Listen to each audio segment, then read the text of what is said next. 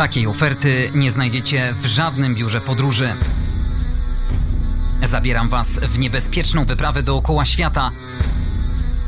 Odwiedzimy miejsca naznaczone historią, konfliktami, terroryzmem czy ludobójstwem. Zapraszam na podcast jak nie zwiedzać świata? Andrzej Gliniak, witajcie. Zaczynamy 60. odcinek. Kłaniam się patronom podcastu KANS, czyli Karkonoska Akademia Nauk Stosowanych w Jeleniej Górze, POSBET, profesjonaliści z branży konstrukcji betonowych oraz Entrak, europejski lider wśród dostawców części do maszyn budowlanych. Zapraszam tradycyjnie do subskrybowania konta podcastu na YouTube oraz Spotify oraz zachęcam do lajkowania strony Jak nie zwiedzać świata na Facebooku. A dziś obieramy kierunek na kraj, za którym czai się trudna, burzliwa, wręcz dramatyczna historia naznaczona latami okrutnych rządów czerwonych Kmerów i wojen domowych. Mimo bolesnej przeszłości Kambodża, bo o niej mowa, to obecnie kraj zachwycający kulturą, tradycją, krajobrazami, kuchnią oraz fascynującą architekturą oraz przyjaznymi i gościnnymi ludźmi. O perełce Azji Południowo-Wschodniej opowie Dawid Płaczkiewicz. Dzień dobry. Dzień dobry, serdecznie witam. Chyba nie miałeś problemu, żeby trafić e, do studia, bo to już twoja czwarta wizyta w podcaście Jak nie zwiedzać świata. To prawda, miejsce jest już mi znane, e, ale powiem ci szczerze, przez chwilę zastanawiałem się, czy to pierwsze piętro, czy drugie, no ale e, trafiłem bez problemu. Przypomnijmy naszym słuchaczom, że Dawid jest wrocławianinem, prywatnie mąż i ojciec dwóch córek Leny i Kai, adwokat, agent piłkarski, pasjonat podróży, szczególnie w te mniej zadeptane destynacje oraz e, w miejsca zapisane w historii, o których zapomnieć e, nie powinniśmy. Skoro tak, no to na początek niech przemówią liczby. Kilkuletnie dyktatorskie rządy Pol Pota w Kambodży, jednego z największych zbrodniarzy XX wieku, pochłonęły ponad 2 miliony istnień ludzkich, co stanowiło niemal 30% populacji Kambodży. Co dziesiąte dziecko zostało sierotą, 40% straciło jednego z rodziców. A wszystko to w imię chorej, zbrodniczej ideologii. No nie da się przejść obojętnie wobec tych liczb, wobec tej historii, mimo że minęło lat ponad 40 to, to nadal ta historia jest y, żywa w Kambodży. Nie może być inaczej. Y, I nie powinno być inaczej, bo to, co wydarzyło się w latach 70. Y, w tym kraju, jest bez precedensu tak naprawdę na skalę światową. Jedno z największych ludobójstw w historii świata. No, z liczby, które podałeś, e, no mówi się między 1,5-2 miliony e, osób, może nawet trochę więcej, czyli no szacując, że to jest 25-30% e, populacji zamordowanej przez pobratymców, no robi to potężne wrażenie. W tle wielka polityka, bo tutaj nie chodziło jedynie o kwestie kambodżańskie. Konflikty mm, na terytorium Kambodży sięgają lat 60. XX wieku. E, cała polityka chińska, e, radziecka, także amerykańska, przede wszystkim amerykańska, doprowadziła do, do ogromnych podziałów wewnątrz kraju. I e, także walka o władzę pomiędzy osobami, które miały na nią chrapkę. Premierem był w tamtych czasach Lon Nol, to był proamerykański polityk. Król Sihanouk, który balansował między Khmerami, a właśnie rządami E, Nola, czyli starał się gdzieś znaleźć e, rozwiązanie, ale tak naprawdę dla siebie, dla swoich interesów, dla zapewnienia swoich e, korzyści. No i czerwoni khmerzy, którzy powstali na tle niezadowolenia społecznego, którzy w pierwszych latach swojego działania żyli w kambodżańskich dżunglach, natomiast zyskiwali coraz większe poparcie, rekrutowali wiele młodych osób do swojej partyzantki i na bazie konfliktu też wietnamskiego E, a w zasadzie mm, sytuacja miała miejsce następująca. E, na pomoc w pewnym momencie zostali wezwani e, Wietnamczycy, z którymi bardzo blisko współpracowały Chiny. Powstały bazy wietnamskie na południu Kambodży. I kiedy zmienił się front i Amerykanie znowu mieli coś do powiedzenia w Kambodży, zaczęli bombardować te tereny, gdzie stacjonowała armia wietnamska. Spowodowało to e, śmierć wielu e, tysięcy niewinnych cywili kambodżańskich, co automatycznie powodowało też ogromną niechęć do Stanów Zjednoczonych i tym samym e, popularyzowało poglądy czerwonych Khmerów, zdecydowanie antyamerykańskie. I tak naprawdę, gdy w 1979 roku wojska mm, Polpota, wojska Czerwonych Khmerów docierały do Phnom Penh, były witane jako wyzwoliciele, jako bohaterowie. No ale w ciągu kilkudziesięciu godzin w zasadzie okazało się, że to tak przyjemnie i ładnie y, nie będzie funkcjonowało, bo w zasadzie w kilkadziesiąt godzin mówi się, że zostało wysiedlonych ze swoich domów blisko 2 miliony osób. W zasadzie te czystki zaczęły się y, od razu. I ten reżim Czerwonych Kmerów aresztował, zgładził prawie wszystkich podejrzanych o koneksję z obcymi lub poprzednimi rządami, inteligencję, także przedstawicieli wolnych e, zawodów. No i myślę, że Niesamowicie były brutalne te egzekucje. Zabici chowani byli w masowych grobach ze względu na oszczędność amunicji. E, często mordowano przy użyciu motyki, młotów, siekier, łopat, zaostrzonych kijów bambusowych. Gardło ofiar e, podrzynano chropowatymi liśćmi palmowymi, główki noworodków e, rozbijaniu o pnie drzew. Od razu e, czerwoni chmerzy zamknęli granice, co też zamknęło dostęp dziennikarzy zachodnich do, do tego, co dzieje się wewnątrz kraju rozpoczęto operację, którą nazwano rokiem zerowym. Miało to oznaczać w zasadzie to, że Kambodża, czy demokratyczna Kampucza, na, jaką, na taką nazwę Khmerzy zmienili nazwę swojego kraju, że to jest moment e, zwrotny i od tego czasu będzie liczyła się nowa historia e, tego kraju. E, tak jak wspominaliśmy, mieszkańcy zostali wysiedleni, trafili do obozów, można powiedzieć, według dzisiejszego nazewnictwa pracy przymusowej poza terytori terytoriami miejskimi. Wszyscy, może tak można, można to nazwać, zostali zrównani ze sobą, tak jak wspomniałeś, inteligencja, urzędnicy, wszelkie, wszelkie osoby, które wykazywały e, wyższą pozycję społeczną, były zabijane od razu, nie były nawet kierowane do, e, do tych obozów. E, karę śmierci można było dostać w zasadzie za to, że nosiło się okulary, bo skoro nosiło się okulary, znaczyło to, że, że umiesz czytać i, i te oczy twoje są bardziej zmęczone niż ludzi pracy, więc dla ciebie też w demokratycznej kampuczy miejsca automatycznie mm, nie było. Zaczęto zamykać bardzo szybko szkoły, e, także wszelkiego rodzaju fabryki, a nawet e, szpitale. Zlikwidowano pieniądz. E, własność prywatna całkowicie została zakazana i tak naprawdę zaczął się najczarniejszy okres w historii tego kraju. Ja miałem okazję mm, podczas pobytu w stolicy Phnom Penh odwiedzić jedno z najbardziej symbolicznych miejsc, jeśli chodzi o E, te najgorsze okresy w historii e, kraju. To znaczy przede wszystkim więzienie S21, nazywane, obecnie mieści się tam Muzeum Tuol Sleng. Jest to dawna szkoła, liceum, gdzie e, sale lekcyjne zamieniono na cele, na miejsca, w których dokonywano w zasadzie katowania więźniów. Jedno z najstraszniejszych więzień w historii ludzkości tak naprawdę. Z około Takie... 20 tysięcy ludzi, którzy przekroczyli bramy tego więzienia, przeżyło zaledwie kilkunastu.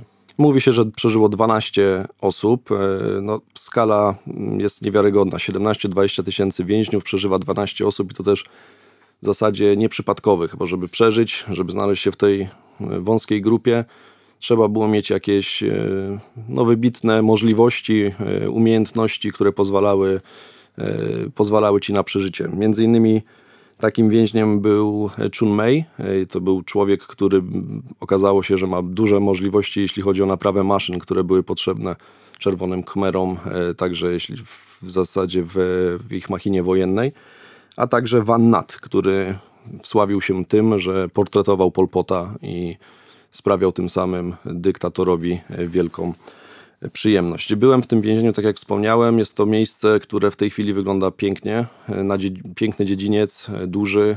Można sobie wyobrazić, jak to miejsce mogło wyglądać w czasach, kiedy tam odbywało się nauczanie.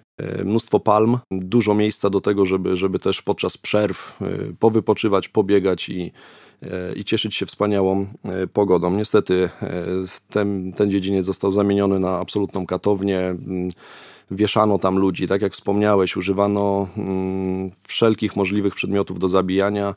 E, w zasadzie symbolem władzy Czerwonych Khmerów i, i morderstw Czerwonych Khmerów było to, że przy takiej skali osób do zgładzenia żal było kul i byli oni zabijani członkami, człon, trzonkami od łopat, czy też motykami, różnymi innymi przedmiotami. Nie zapomnę jednej historii, którą miałem okazję e, przeżyć niespodziewanie, e, będąc e, na terenie tego więzienia S21 przy jednej z wystaw, przy jednej, w jednym z miejsc pamięci. Podszedł do mnie starszy mężczyzna, tak w granicach 70 lat, 70 paru może, i zaczął mi opowiadać jakby swoją historię związaną z czerwonymi khmerami. Ale nie był to człowiek miejscowy, był to Szwajcar który wspomniał mi, że w momencie, kiedy wybuchała e, ta cała mm, rzeź w Kambodży, e, on był młodym dziennikarzem pracującym dla szwajcarskiej telewizji. Pamięta ten czas, jak, jakby to było dzisiaj. Chodził razem ze swoimi znajomymi na różne demonstracje, krzyczał razem z nimi Wolna Kambodża, cieszył się ze sukcesu Czerwonych Khmerów, wykrzykiwał antyamerykańskie hasła i mówi, że to było coś powszechnego. Każdy kibicował Czerwonym Khmerom. Nikt nie wiedział tak naprawdę, komu kibicuje i co się dzieje za zamkniętymi drzwiami. E, I teraz jest mu wstyd za te czasy, które e, kiedy, kiedy jakby przez, jak on to powiedział, przez swoją ignorancję, e, jak, no, może przyczynił się za dużym słowem, natomiast czuł, że przyczynia się do sukcesu Czerwonych Khmerów. Dlatego wspomniał, że to też jest należna ofiara mm, dla ofiar tego reżimu, by pamiętać o nich. On musiał tu przyjechać i w zasadzie jest tutaj po to, żeby przeprosić ofiary za to, jaką ignorancją on, jego e, koledzy, znajomi, czy też rządy europejskie, a przede wszystkim rząd Stanów Zjednoczonych także wykazał się w tamtych czasach. Dla wielu osadzonych e, w tym słynnym więzieniu S-21 wyjście było tylko jedno w kierunku pól śmierci. To są te miejsca kaźni gdzie masowo zabijano i grzebano ofiary reżimu rządów Czerwonych Kmerów. Tak, w pewnym momencie zrezygnowano z egzekucji w więzieniu. Tych ofiar było za dużo, był problem z ich wywożeniem, e, także e, stwierdzono, że e, lepiej będzie, żeby ofiary przewozić na takie miejsce odosobnienia poza, poza miasto, na tak zwane obecnie pola śmierci. Jednym z najbardziej znanych jest Cheng Ek. Jest to pole śmierci znajdujące się 17 e, km od, od stolicy. E, jest to dawny sad e, i chiński cmentarz tam się mieścił. Miejsce zupełnie mm, odosobnione, gdzie nie ma jakichś nie wiadomo jak wielkich mm, atrakcji, jeśli znaczy atrakcji, no źle, no źle powiedziane, może nie atrakcji, natomiast miejsc takich pamięci, pomników i tego typu rzeczy, które znamy z wielu miejsc pamięci w, w Europie. Tam jest po prostu przestrzeń, tam jest e, duch historii, tam są masowe groby, e, a przede wszystkim, tak jak też już zdążyłeś wspomnieć, są drzewa. Drzewa, które były świadkami tej historii, a także były, można powiedzieć, uczestnikami tych wydarzeń, dlatego że jednym z tych drzew było The Killing Tree, e, drzewo, o które rozbijano czaszki najmniejszych dzieci. E, obecnie e, to, na tym drzewie osoby, które chcą oddać cześć ofiarom, zawieszają różnego rodzaju rzemyki, bransoletki i w ten sposób chcą utrzymać pamięć o, o dzieciach, o tym, co działo się w tym miejscu. Więźniowie, którzy przeżyli e, pola śmierci, wspominali też, że było inne drzewo, Magic Tree, e, drzewo, na którym wieszano ogromne głośniki, z których leciała bardzo głośna muzyka. E, miała ona zagłuszać jęki, krzyki e, więźniów, cierpienia. ofiar, cierpienia, a jednocześnie wpływała bardzo destrukcyjnie na, na tych e, osadzonych, bo mieszanina tej głośnej muzyki harczących głośników z tymi jękami była czymś jeszcze bardziej nie do zniesienia niż, niż same te krzyki i jęki. W samym muzeum w tej chwili dostaje się na wejściu audiobooka, więc idąc przez ten dość duży teren, można słuchać o historii e, ludzi, którzy byli naocznymi świadkami tych wydarzeń. Można słuchać historyków, można słuchać e, melodie e, khmerskie, które wprowadzają w niesamowity nastrój. Ciężko przejść obojętnie wobec tego, co się widzi, może nawet nie tyle widzi, co, co się słyszy i co się czuje. mając oczywiście wiedzę o tym, co, co w tym miejscu się wydarzyło, ile osób straciło tam życie. Na koniec całej całej trasy, może można tak powiedzieć, po, wzdłuż tych pól śmierci, trafia się do takiej stupy buddyjskiej, czyli takiej świątyni, w której jest bardzo mało miejsca do tego, żeby się przemieszczać, poruszać, natomiast w murach tego, tej budowli znajduje się ponad 8 tysięcy, około 8 tysięcy czaszek ludzkich, ekshumowanych ofiar e, pól śmierci. E, no, robi to niewiarygodne wrażenie. Te czaszki są e, ułożone według płci, wieku. Jest to bardzo systematyczna praca, którą wykonano tam. No, nie trzeba wielkiej wyobraźni, żeby, żeby, żeby spróbować wyobrazić sobie to, co człowiek czuje e, po wysłuchaniu tych wszystkich historii, widząc jeszcze tak druzgocący dowód e, tych wydarzeń, które miały miejsce w latach 75-79 e, na terytorium Kambodży. Brytyjczycy nakręcili ten sławny już film Pola Śmierci właśnie opowiadający o losach kambodżańskiego dziennikarza, któremu udało się uciec z obozu. Ten film unaocznił międzynarodowej opinii publicznej całą skalę i charakter zbrodni. Polecamy naszym słuchaczom. Bardzo dobra produkcja. Tak, oglądałem ten film, oczywiście e, zdecydowanie polecam, natomiast jest jeszcze kilka innych e, pozycji, które polecałbym do tego, żeby e, zrozumieć ten temat. Bardzo ciekawą książką jest książka włoskiego korespondenta, który w tamtych czasach był delegowany do, na, do, na terytorium Indochin, Indochin Tiziano Tersani, który pod tytułem Duchy, tam w tej książce zebrane są artykuły przesyłane do europejskich redakcji przez właśnie tego dziennikarza. On w tamtych latach współpracował m.in. z niemieckim Der Spieglem czy z La Republiką włoską.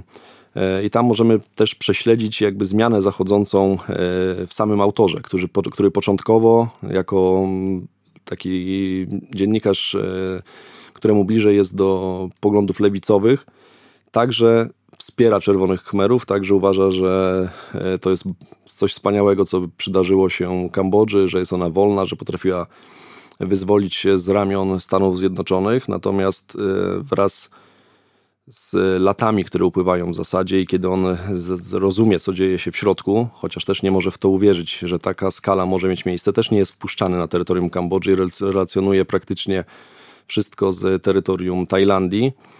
E, no, u niego też zachodzi pewien e, przełom. W pewnym momencie w latach 90. nawet pisał z rozżaleniem jeszcze z Phnom Penh, że mordercy wciąż zabijają, e, biedacy są wciąż głodni, bogacze stają się coraz grubsi i potężniejsi. Kambodża jest kolejnym deprymującym dowodem, że na świecie nie ma sprawiedliwości, a ludzkość straciła zdolność do reagowania na to oburzeniem. To są lata 90., czyli już w zasadzie 12 e, lat po tym, jak Pol Pot stracił władzę po interwencji wietnamskiej w Kambodży.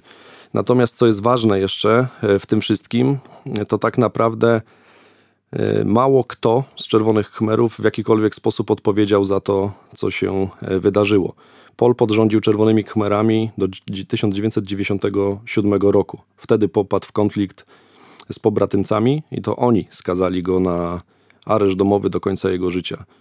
Zmarł rok później w 1998. Można więc powiedzieć, że nikt poza jego kolegami nigdy go nie osądził. Mało tego, po upadku Czerwonych Khmerów, kiedy Wietnamczycy weszli do Kambodży, było to mocno nie na rękę Amerykanom i dalej CIA prowadziło akcję wybielającą Czerwonych Khmerów, antywietnamską i tak naprawdę, mimo tego, że Czerwoni Khmerzy znajdowali się już w dżungli, to dostawali cały czas wsparcie finansowe zarówno od Amerykanów, jak i od Chińczyków.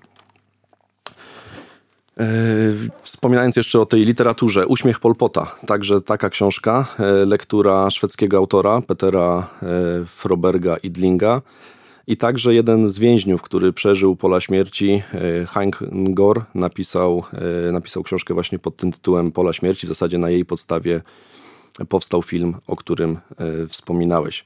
A jak sami mieszkańcy Kambodży? Miałeś okazję z nimi porozmawiać na ten trudny temat? Jak oni wspominają tamten ciemny okres y, w historii ich kraju?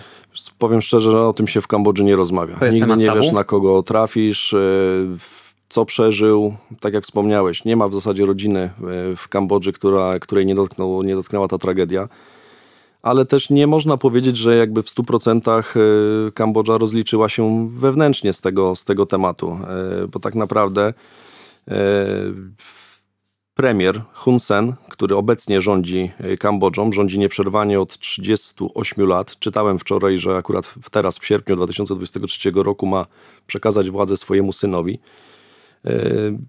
On należał do żołnierzy Polpota, był czerwonym khmerem w walkach przeciw siłom Lon Nola stracił lewe oko. E, w 1977 roku dopiero zdezerterował od Czerwonych Khmerów, uciekł do północnego Wietnamu, zmieniając swoją polityczną opcję. Natomiast to pokazuje, że, że nie znajdziesz w Kambodży osoby, oczywiście nie mówię o młodych osobach, natomiast e, nie znajdziesz rodziny, e, która w jakiś sposób nie jest dotknięta tym, tym problemem. No dobrze, to porozmawiamy już teraz o tych e, jasnych punktach e, w historii Kambodży, a tych z pewnością nie brakuje, tym bardziej, że na wstępie powiedzieliśmy, że jest tam mnóstwo fantastycznych e, miejsc. Jednym z nich, które każdy podróżnik, nawet ten, który preferuje mniej komercyjne miejsca, powinien odwiedzić, to symbol Kambodży czyli Angkor, e, zabytkowy kompleks miejski, jaki pozostał po dawnej stolicy Imperium Khmerskiego. Tak, e, to jest piękne w Kambodży, e, że masz w niej wszystko podczas podróży. Masz miejsca historyczne, masz wspaniałe budowle, które są wyjątkowe, oryginalne na skalę światową. Masz wspaniałe plaże, miejsca do wypoczynku e, w rajskich sceneriach. Masz szybko rozwijające się miasto jak Phnom Penh, masz e, piękną przyrodę, rzeki, jeziora, dżungle, mm, ale oczywiście symbolem, pierwszą rzeczą, która przychodzi na myśl osobom, które pozytywnie myślą, nie tylko nie myślą tylko o ciemnej historii Kambodży, ale myślą o tym, co ma do ona do zaoferowania, to pierwszym miejscem takim jest Angkor Wat, świątynie, które znajdują się w pobliżu miasta, obecnego miasta Siem Reap. Największy zabytek religijny na świecie. Tak, według y, mojej wiedzy Angkor Wat jest największą pojedynczą sakralną budowlą świata po dziś dzień. E, myśląc o tym, ona ma powierzchnię ponad 2 e, km kwadratowe. Budowniczym tego obiektu był w pierwszej połowie XII wieku władca Imperium Khmerskiego.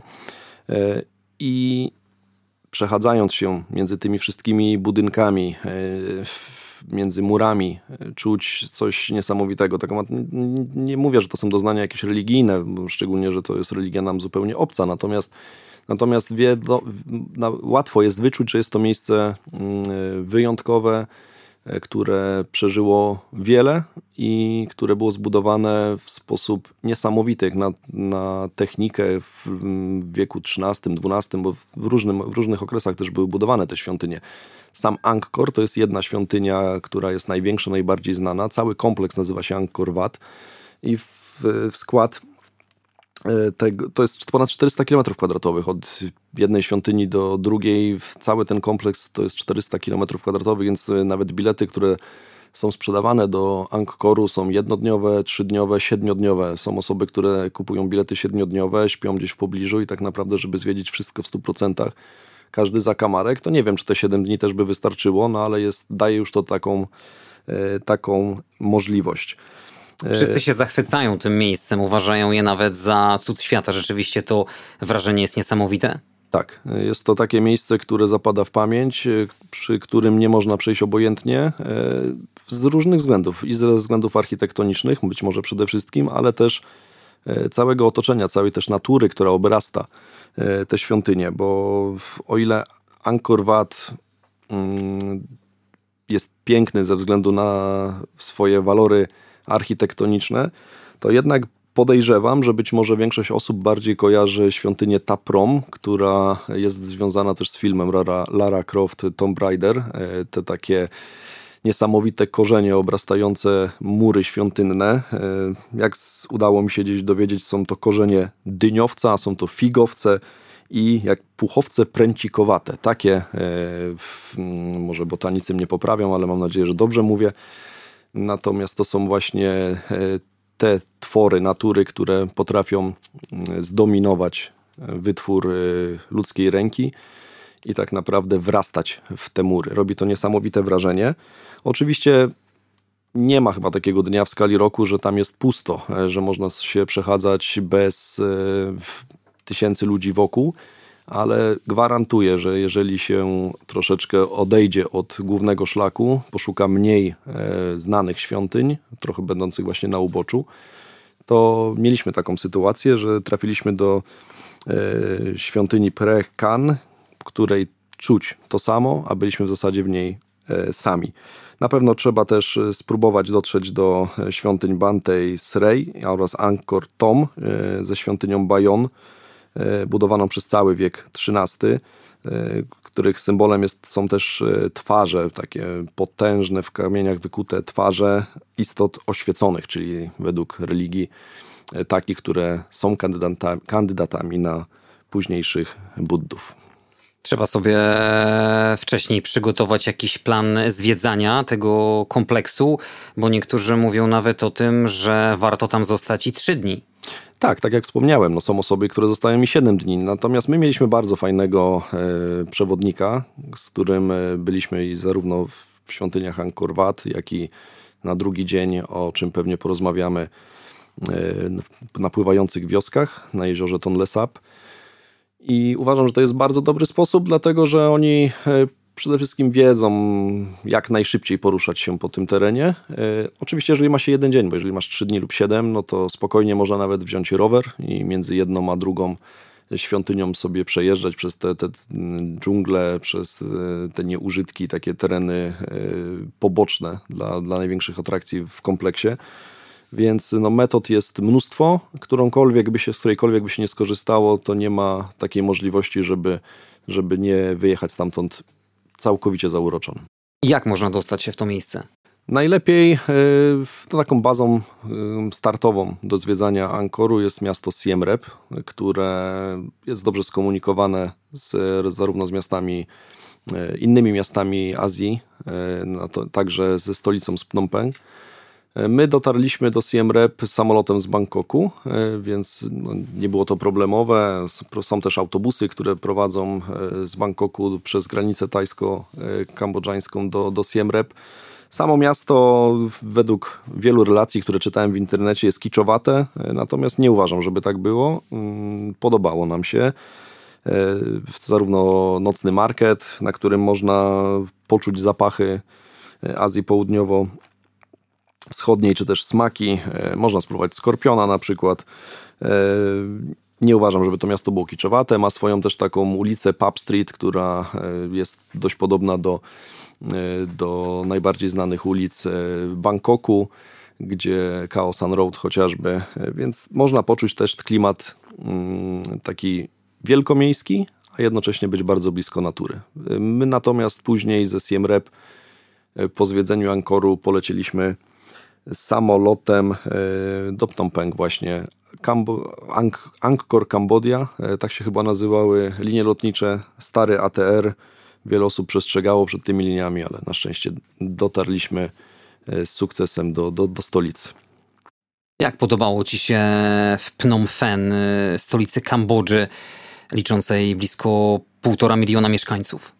Phnom Penh jest bardzo specyficzne. E, to jest miejsce, gdzie w jednym momencie po tej samej ulicy jedzie Maybach, e, kilometr za nim, trzy minuty później pojawi się kolejny. Jest ich bardzo dużo, jak na, na jedno miasto, na jedną metropolię.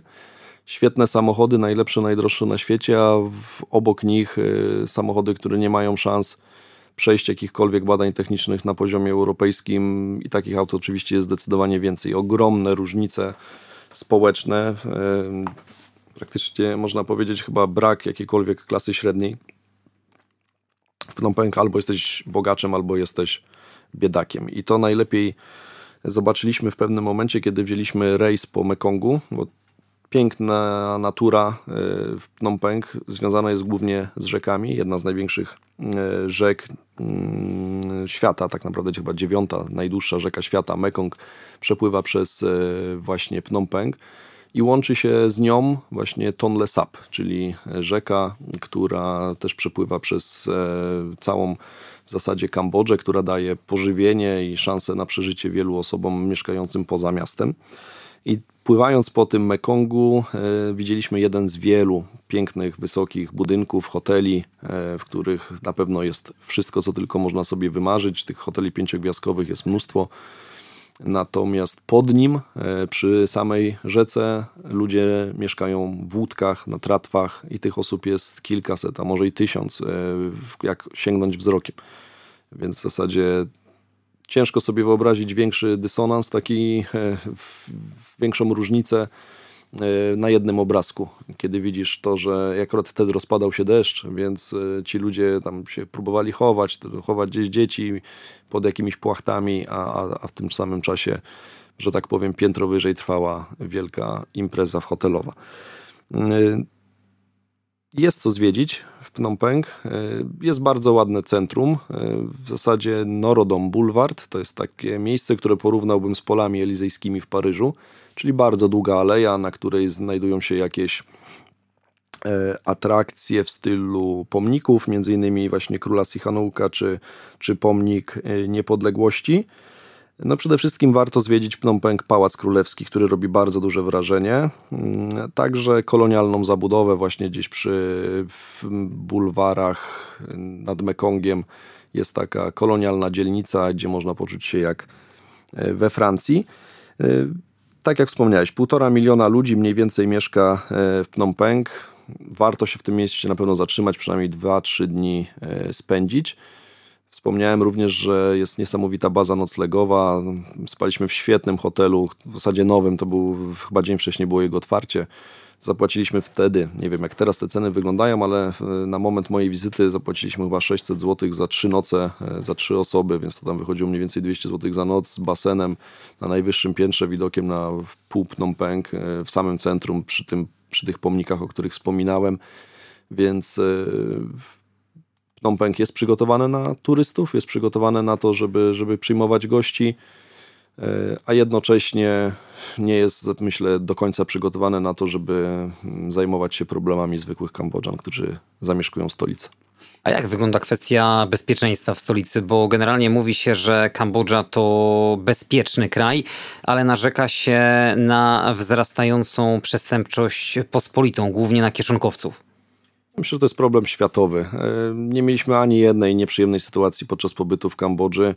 Wszyscy do nas się uśmiechali. Jeżeli no, prawie wszyscy się nas uśmiechali, ci co się nie uśmiechali, to po prostu byliśmy dla nich obojętni. Nikt, nie mieliśmy żadnej sytuacji takiej, żeby ktoś reagował na nas e, niechętnie, żeby ktoś e, próbował nas też, nie wiem, oszukać czy, czy okraść. Absolutnie takie sytuacje nie miały, nie miały miejsca. Kiedy zjedziesz Kambodżę wszerz i wzdłuż, kiedy poznasz wielu Kambodżan, tym bardziej ciężko sobie wyobrazić, co działo się w umysłach ludzi, którzy kilkadziesiąt lat wcześniej, czyli ich rodzice czy dziadkowie, e, do czego do, doprowadziła ich ta ślepa fascynacja czerwonymi chmerami. To jest coś nieprawdopodobnego, bo tak otwartych ludzi, tak uprzejmych, miłych, no ciężko spotkać. Spotyka się wszędzie tak naprawdę, ale na taką masową skalę ciężko spotkać gdzie indziej. Co było kolejnym przystankiem e, Twojej wyprawy po Kambodży? Delikatnie przeskoczyliśmy, dlatego że jeszcze przed Phnom Penh były dwa inne przystanki. E, przede wszystkim jedna wycieczka, która jeszcze miała miejsce z Siem Reap, o której miałem okazję chociaż tam dwa słowa powiedzieć wcześniej, czyli pływające wioski. To jest miejsce, które polecam absolutnie każdemu ze względu na e, polecam i nie polecam, dlatego że mało które miejsce tak mną wstrząsnęło jak, jak to, jeśli chodzi o zobaczenie, w jakich warunkach żyją ludzie. Byłem w Afryce, widziałem wiele, natomiast jeżeli ktoś mi zada pytanie, gdzie najbardziej, co najbardziej mną wstrząsnęło w takim aspekcie, no to właśnie byłyby te pływające wioski i my wybraliśmy e, jako tą naszą destynację, gdzie, gdzie chcieliśmy zobaczyć, jak żyją ludzie, miejscowość Kompong Kleang. To jest jedna z pływających wiosek, na które, do których można dotrzeć z Siem Reap. Ona akurat była położona najdalej e, od miasta, co w moim odczuciu dawało największą szansę, że zobaczymy prawdziwe życie, a nie turystyczne, bo słyszałem, że nie mam tego zweryfikowanego, ale słyszałem, że w tych bliższych wioskach jest trochę jednak kiczowato, jest dużo rzeczy na pokaz, a w tej jest już naturalnie. No i rzeczywiście mm, sama droga jak już wjeżdżaliśmy na, na, ten, na ten teren, zobaczyliśmy wiele domów na palach, takich bardzo wysokich, drewnianych, zbitych z desek domów, które aż ciężko uwierzyć, że się nie rozpadają przy jakimś pierwszym, lepszym, mocniejszym wietrze. Mnóstwo dzieci biegających wokół tych domów mnóstwo też takich miejsc, gdzie możesz kupić ryby. Y, bez ryb Kambodży by nie było. To jest to chyba obok ryżu y, najważniejsza, najważniejsza możliwość, naj, największa możliwość zjedzenia czegoś pożywnego i, y, i zapełnienia żołądków, a także handlują tymi rybami oczywiście ludzie mieszkający przy, przy jeziorze. Dostają bardzo małe pieniądze. Oczywiście, jak, jak wszędzie, najwięcej zyskują pośrednicy, a nie a nie ci ludzie, którzy na co dzień pracują przy połowach. Natomiast tam pracują całe rodziny, pracują dzieci pięcioletnie, siedmioletnie, e, widać to na każdym kroku. E, to, co też mnie zaskoczyło, e, strzeliło trochę po oczach, było to, jak zobaczyłem, jak piękna świątynia w tym miejscu też stoi nas nieraz e, może mierzić, że bogactwo e, w jednej, drugiej, trzeciej religii, że to zawsze są takie budynki, gdzie, gdzie te pieniądze ogromne zostały na to wydane. Natomiast tam, kiedy widzisz, że ci ludzie nie mają nic, a przy tym jak bogato zdobione są, są te miejsca mm, święte, no wygląda to e, poczwarnie, szczerze mówiąc, w tamtym miejscu. E, wzięliśmy też e, taką możliwość, mieliśmy taką możliwość, z której skorzystaliśmy rejsu po mm, rzece i jeziorze Tonle Sap. E, jest to niezapomniana przygoda ze względu na to, że ja nie znam takiego drugiego miejsca, gdzie ludzie po prostu pływają ze swoimi domami. Tam masz do wyboru albo mieszkać na tych, pal, na tych palach, w tych domach zbitych z desek, Albo drugą opcją, którą wybiera bardzo dużo osób, jest życie na takiej jakby tratwie, którą zabudowujesz też deskami i wraz z przypływami, odpływami z e, kiedy poziom, poziom rzeki się podnosi, no to automatycznie cię przenosi na inne miejsce i, i, i, to jest twoje życie. Są sklepy, jest szkoła, na takiej właśnie pływająca szkoła, pływający sklep. E, widzieliśmy połowy podczas tego, e, tego rejsu. Widzieliśmy, jak jedna kobieta po prostu kąpała się, czyli brała, myła włosy, e, całe zapienione, wodą z tego jeziora je spłukiwała jakimś wiaderkiem, uśmiechnięta, szczęśliwa, ciesząca się z tego, że jest ładny dzień, pomachała nami, nas pozdrowiła, ale ciężko sobie wyobrazić, że w takich warunkach e, można żyć. Mieliśmy też jeden przystanek w takim no, domu. Ciężko to nazwać domem, bo to, to już w ogóle było klepisko, taka zbita ziemia, wysuszona, popękana, na której była taka prycza zrobiona w, w ciągu chyba jednej godziny, zbite parę desek. Chyba pięcioro czy sześcioro dzieci, e, osoby do, dorosłe. Jak się dowiedzieliśmy później, byli, byli to ludzie, którzy zostali zatrudnieni przy e, polu e, ryżowym, które było zaraz obok. Oni byli odpowiedzialni za to pole. Mieliśmy e, podczas, tego, podczas tej podróży jakieś drobnostki dla, dla dzieci. Tam między innymi mm, też zostawiliśmy jakieś przedmioty. Pamiętam, że moja córka, która e, dała, oddała swoje kredki e, dziewczynce, która, mm, która, która tam mieszkała, ta dziewczynka nie miała zielonego pojęcia, co to jest w ogóle. Moja córka zaczęła się, Lena, martwić o to, że że może te dzieci, żeby tego nie zjadły przypadkiem, bo jeszcze tam była gumka do mazania, to to w ogóle wyglądało ta gumka tak, że no, potencjalnie mogłaby zostać zjedzona.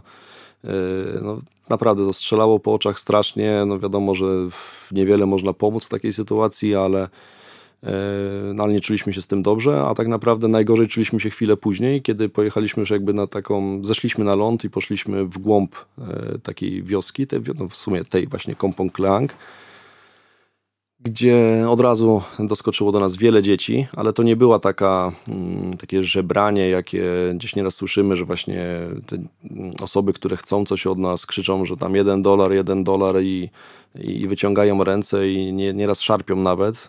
Tam to wszystko było, wyglądało zupełnie inaczej. Te dzieci po prostu podbiegały do nas, uśmiechały się, o nic nie prosiły, jeżeli dostawały, to po prostu kłaniały się, mm, dziękowały no, łamało mi to serce. Rozdaliśmy wszystko, co mieliśmy. Okazało się, że jest tam jakiś jeden mały sklepik. No sklepik, no ten, może no sklep, sklepik to za duże słowo, no ale kobieta sprzedawała jakieś chrupki. No kupiliśmy wszystko, co było w tym sklepiku. To i tak to, to nie było dużo. E, takie chrupki kosztowały 50 groszy jedne. E, no ale wykupiliśmy wszystkie, rozdaliśmy to w chwilę. Szliśmy tą główną ulicą, gdzie nagle kobieta zobaczyła, 40-letnia no, powiedzmy pani zobaczyła, że my coś rozdajemy i widziałem, jak ona, kątem oka widziałem, jak ona biegnie na górę po tych drabinie e, do, do, na, na, pod, w tym domku na palach. I za chwilę musiało jej dziecko spać, takie dwu, trzyletnie. Wzięła na ręce i zbiegła po drabinie, żeby pokazać, że ona ma dziecko, że może też byśmy coś temu dziecku dali. Jak ona się cieszyła, że to, to było jedno z ostatnich chrupek, jakie mieliśmy, że nie mieliśmy gdzie co kupić, bo wykupiliśmy cały sklepik jak to dziecko się, jak ta kobieta się cieszyła z tego, że to dziecko się załapało na jedno z ostatnich chrupek, to, to ja teraz widzę ten obraz, mimo że to już trochę czasu e, minęło. Więc e, pamiętam, że wracaliśmy w ciszy e, stamtąd. E, na mojej córce na Lenie też zrobiło to niesamowite wrażenie. Mm, no i do tej pory, jak o tym wspomnę, no to, to, to przechodzą dreszcze, że, e, że ludzie nie zasługują po prostu na życie w takich warunkach, szczególnie te dzieci a przy tym są uśmiechnięte, szczęśliwe i niesamowicie grzeczne i kulturalne. Dało się z nimi porozmawiać, nawiązać jakiś kontakt? Nie było to łatwe, bo nie mówią oczywiście w języku angielskim. To prędzej Lena gdzieś potrafiła z nimi e, porozumieć się. Oczywiście też nie byliśmy tam jakoś specjalnie długo, to była godzina, może półtorej. E, natomiast e, widać było też, że one się trochę wstydzą, nie? że to, że to Każde z tych, z tych dzieci było lekko zawstydzone tym kontaktem z nami. Zainteresowane, że ktoś przyjechał, bo to też nie było tak, że było dużo turystów, że takie miejsce, gdzie wszyscy przyjeżdżają. Podczas tego, jak my tam byliśmy, jedna, jedna Europejka chyba tylko gdzieś przejeżdżała motorem, ale nawet się nie zatrzymywała, więc to bardziej chyba po prostu była przypadkiem tam. A tak nie spotkaliśmy żadnych innych y, ludzi z innego kręgu kulturowego niż gospodarze. Więc, e, więc nie wiem tak naprawdę, jak dużo osób tam dociera. Natomiast wtedy byliśmy ewidentnie e, atrakcją i, no i kim, kimś, z kim miejscowi chcieli się chociaż przywitać, zobaczyć i e, zbliżyć. Nie miałeś obaw, że tam się wam coś może stać? A nie, absolutnie, zupełnie nie. Zresztą, szczerze mówiąc, tam prawie w ogóle nie widziałem mężczyzn. Może jedną, jednego, dwóch. Prawdopodobnie jednak ten czas spędzali gdzieś na, na jeziorze, na pracy. Więc w zasadzie, w zasadzie same małe dzieci i, i kobiety. Absolutnie nie mieliśmy żadnych obaw. Pytam, bo bieda prowadzi do różnych skrajnych zachowań. To prawda.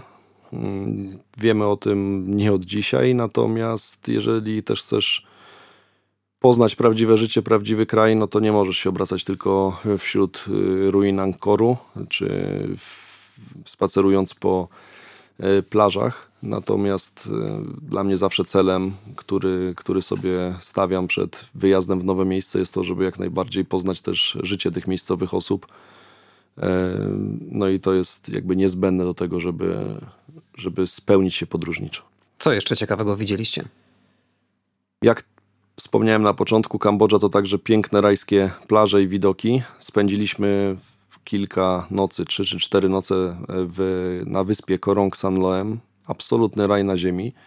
Jedna z najlepszych plaż, e, najbardziej rajskich miejsc, jakie w życiu widziałem. Zatrzymaliśmy się tam u Polaków, którzy prowadzą e, hotel, bardzo ładny. Już te, z tego co wiem, już teraz mają też na wyspie obok kolejny. Piękny widok na Zatokę Saracenów. Mm, miejsce takie, gdzie woda jest bardzo płytka, o pięknym kolorze. E, palmy za, za plecami, że tak powiem, czyli zaraz za ośrodkiem mm, potężna dżungla. E, jeszcze w pierwszy dzień w zasadzie mieliśmy dużą atrakcję, wielkie poruszenie na plaży, ludzie wskakują do łódek, e, ewidentnie jakieś zwierzę przypłynęło, okazało się, że to był rekin wielorybi, który żywi się generalnie planktonem, nie zapuszcza się ze, ze względu też na swoje rozmiary, nie zapuszcza się za blisko brzegu, żeby nie utknąć na mieliźnie. Natomiast to był jakiś młody osobnik i wpłynął bardzo blisko. E, to jest to największa ryba świata tak naprawdę, więc e, no, robi, robi wrażenie, jak to mówi e, młodzież obecnie. było to bardzo ciekawe doświadczenie.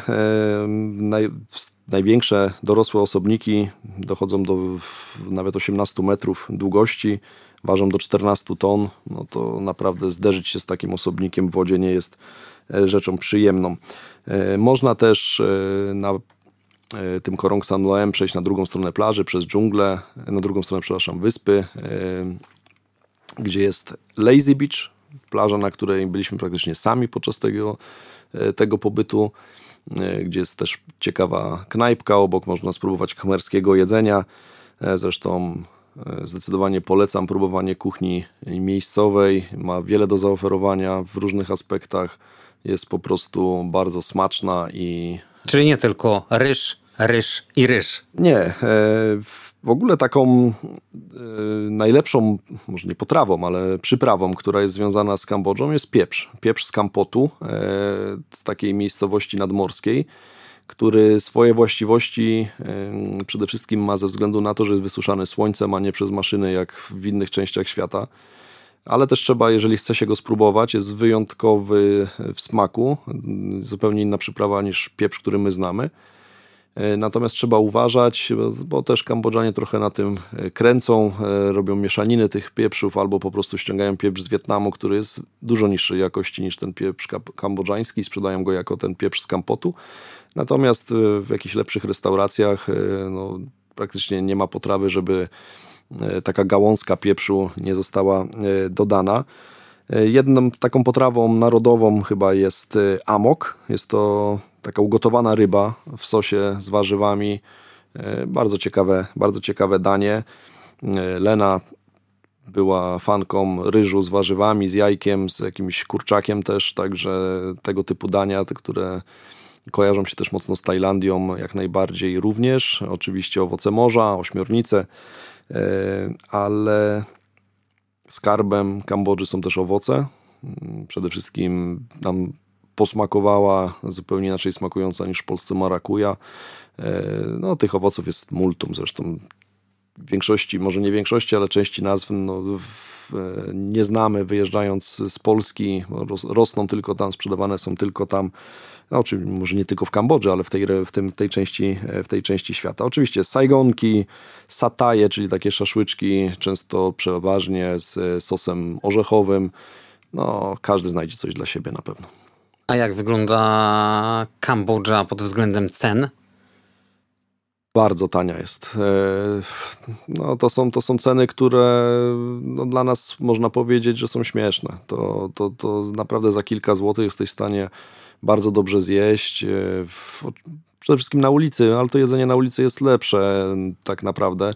Byliśmy w dwóch, trzech takich ekskluzywnych restauracjach, gdzie te powiedzmy potrawy były w cenie no, no, niższe i tak niż w Polsce, mimo że to były takie bardzo dobre restauracje, zresztą tam w centrum Phnom Penh, ale, ale tam pieniędzy się nie wyda. No, w tej chwili, wiedząc też, że te bilety lotnicze poszły mocno do góry, no to na pewno największym problemem jest dolecieć tam, a później to już jest zdecydowanie z górki. Czym się tam poruszaliście już na miejscu? Przede wszystkim tuk-tukami, e, jeśli chodzi o miasta. E, to jest coś, co bardzo też lubimy, coś innego.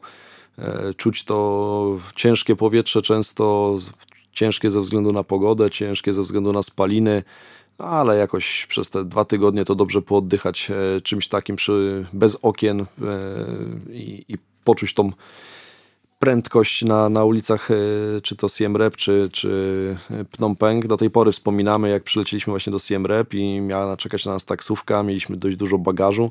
No i przyjechał taki tuk-tuk, gdzie to ciężko było za, załadować te nasze tam dwie walizki, nastro, no, trzy walizki na, nastroje.